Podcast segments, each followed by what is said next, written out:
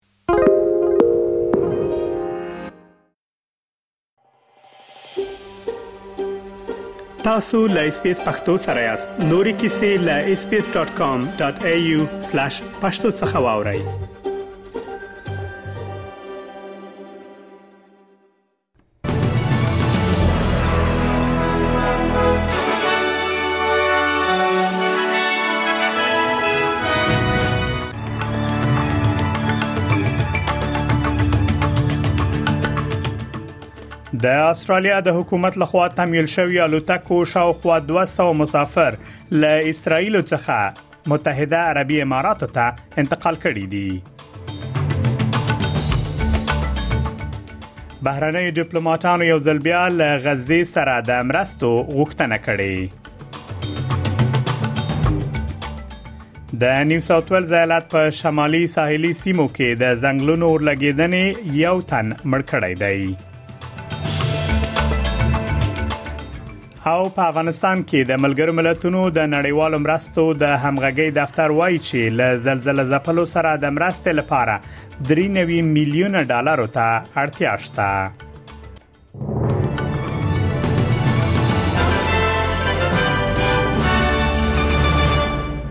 اوس هم پام وکړئ بشپړ خبرونه ته د استرالیا د حکومت لخوا تمویل شویو الوتکو شاوخوا 200 مسافر له اسرایل څخه دوبۍ ته انتقال کړي دي د استرالیا د لمړي وزیر مرستيال ریچارډ مالز وايي اوس مهال په پا پام کې نشته ترڅو د تخلیه نور پروازونه تر سره شي هغه وايي باور لري چې دغه پروازونه د هغو استرالیانو سمدستي غوښتنه پوره کوي چې غواړي له اسرایل څخه ووزي خغلی مالز همدار زیاتوي چې په راتلونکو ورځو کې په سیمه کې د هوایی ځواک څو الوتکې په احتیاطي توګه په سیمه کې ساتي We believe that these flights do meet uh, the immediate demand on the part of Australians to leave Israel. That said, uh, we are keeping uh, a couple of Air Force planes in the region as a, as a contingency over the coming days. د اسرایل سفیر امیر میمون د پارلمان د دواړو مجلسونو لخوا د ملاتړ له څرګندولو وروسته په کانبرا کې د لیبرال ګوند خونه ته وینا کړې ده د اسرایل حکومت د اکتوبر د 9 نیټې وروسته چې تر اوسه تر 1400 زیات کسان وژلي او تر 150 ډیر یرغمل کړي دي د حماس ډلې پر ضد د بریدونو لپاره د خپل سرتیرو لیګل پیل کړي دي د اسرایل سفیر د استرالیا لملاتړ څخه مننه کړي هغه ویلي چې دوی په جګړه کې دي چې نه داسې جګړه چې نه دوی شروع کړي او نه هم غوښتنه دوی کړي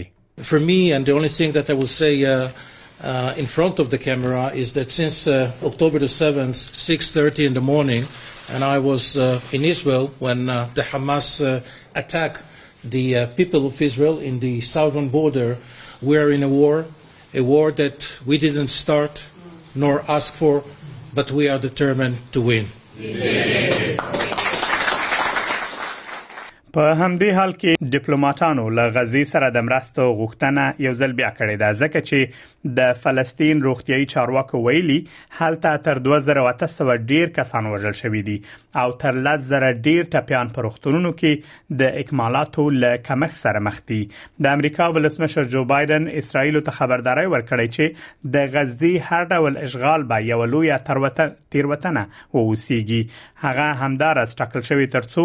راتلونکي په روانه ونی کې اسرایل ته سفر وکړي دا په داسې حال کې ده چې د ملګرو ملتونو سازمان ویلي دي چې په غزه کې تر یو میلیون زیات خلک بې ځای شوي دي او د حماس د اورپکو د بریدونو په ځواب کې د یوې اونۍ له هوایی بریدونو وروسته ځمکني عملیات کولای شي بشري ناورین ګړندی کړي د اروپאי کمیسیون مشر اورسولا وان دیر لاین پر اسرایل د حماس پریدونه غندلې دي او غزې ته د بشري مرستو د درې چنده کولو ژمنه کړې ده هغه ویلي اسرایل حق لري چې د بشر دوستانه او نړیوالو قوانینو سره سم ل خپل ځان څخه دفاع وکړي مګر په غزه کې فلسطینیان بشري مرستو ته اړتیا لري In the face of this horror, Israel has the right to defend itself in line with humanitarian and international law. And right now, Palestinians in Gaza are in need of humanitarian help and aid. They cannot pay the price of Hamas barbarism. په افغانستان کې د ملګرو ملتونو د نړیوالو مرستو د همغږي دفتر یا اوچا وایي چې ل زلزلې زپرو سره د مرستې لپاره 93 میلیون ډالر ته اړتیا ده د یاد ادارې لخوا په یوې خبرې شوې اعلامیه کې راغلي دي چې دوی ل یو سلوتوار لزره زلزلې زپلو سره د مرستې لپاره یو پلان جوړ کړی او د دغه پلان د عملی کولو لپاره 93 میلیون ډالرو ته اړتیا ده د ملګرو ملتونو د بشري مرستو د همغږي اداره وایي چې د هرات زلزلې ځپلي بیړنیو مقتی سرپناه او خړو نقد مرستو پاکو بو او حفظ صحي ته اړتیا لري او چا زیاتوي د ژمي پراتلو سره د زلزلو لامل اغیزمن خلک ګرمو جامو کمپلو او داسو وسایلو ته ضرورت لري چې وکولای شي لاغه څخه په ژمي کې استفاده وکړي د نیو ساوت ویلز ایالت په شمالي ساحلي سیمو کې د ځنګلونو اورلګیدنې لامل یو شپږ 50 کلن سړی وژل شوی دی د نیو ساوت ویلز ایالت پولیس وایي د وژل شوی سړی مړی د کیمپسي په 10 کیلومترۍ کې له یو کور څخه موندلای دی تر دې دمه د ویلی ویلی پر سړک اورلګیدنو شاوخوا لسره کیلومتره هکټار ځمکه سوځولې ده د نیو ساوت ویلز ایالت د کلیوالي اوروژنې خدماتو کمشنر راب جوز ای بي سي شبکې ته ویلي چې د غمړینه د دې یادونه کوي چې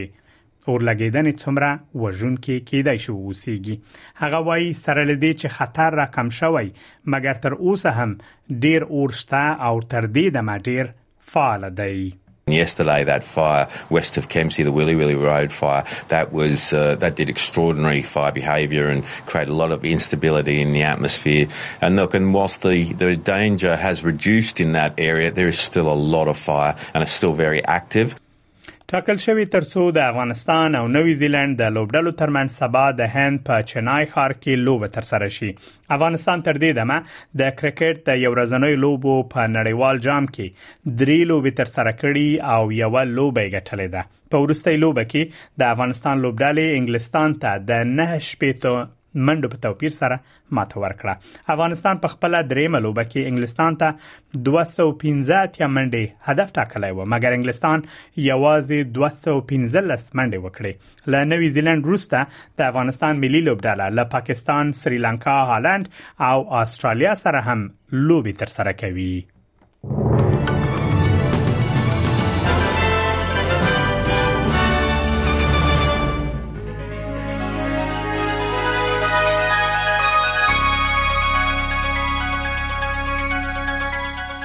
اوس هم پام وکړئ د هوا حالاتو ته په سیدنی کې وریز د باران امکان شته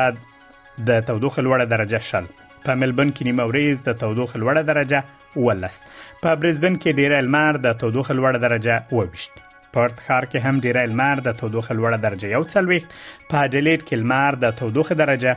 22 په داروین کې لمر د تودوخه لوړه درجه 15 دیرش کانبرا کې ډیره لمر د تودوخه درجه 19 په نیوکاسل ښار کې د باران امکان شته د تودوخه لوړه درجه 21 او له استرالیا څخه بهر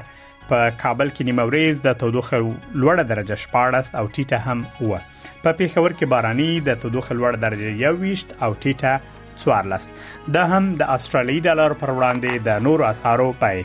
د استرالی یو ډالر 4 شپېته امریکایي سنټه یو استرالیي ډالر شپېته یورو سنت او 250 بریټانوي پنسه د استرالیا ډالر 350 هندیو کلدارو او یو سل 15 یا پاکستانیو کلدارو سره برابرېږي او د استرالیا یو ډالر 48 افغانۍ کېږي خبرونه همدومره ول ملتیا مو مننه کوم